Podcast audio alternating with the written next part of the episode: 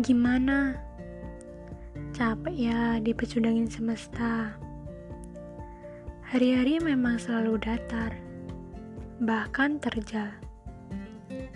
Kita nggak pernah minta untuk ada di posisi ini, tapi semesta mungkin beda pemikiran sama kita.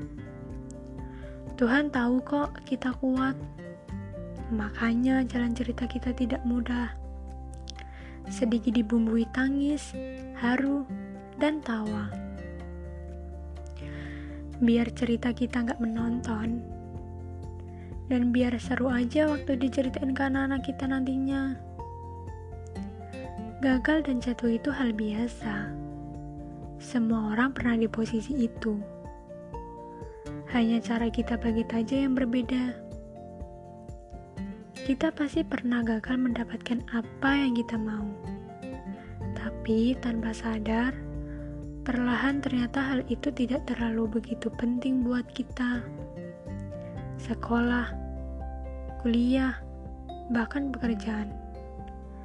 Semua orang punya cerita masing-masing di sana. Tinggal gimana caranya kita menertawakannya saja.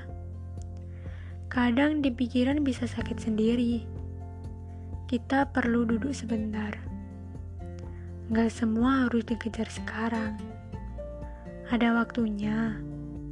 Waktu untuk berjuang lebih keras lagi.